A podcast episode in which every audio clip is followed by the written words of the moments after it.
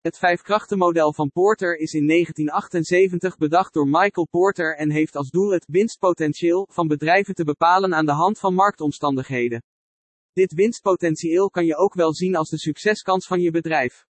Dit winstpotentieel wordt, volgens Porter, beïnvloed door vijf marktfactoren die hij krachten noemt.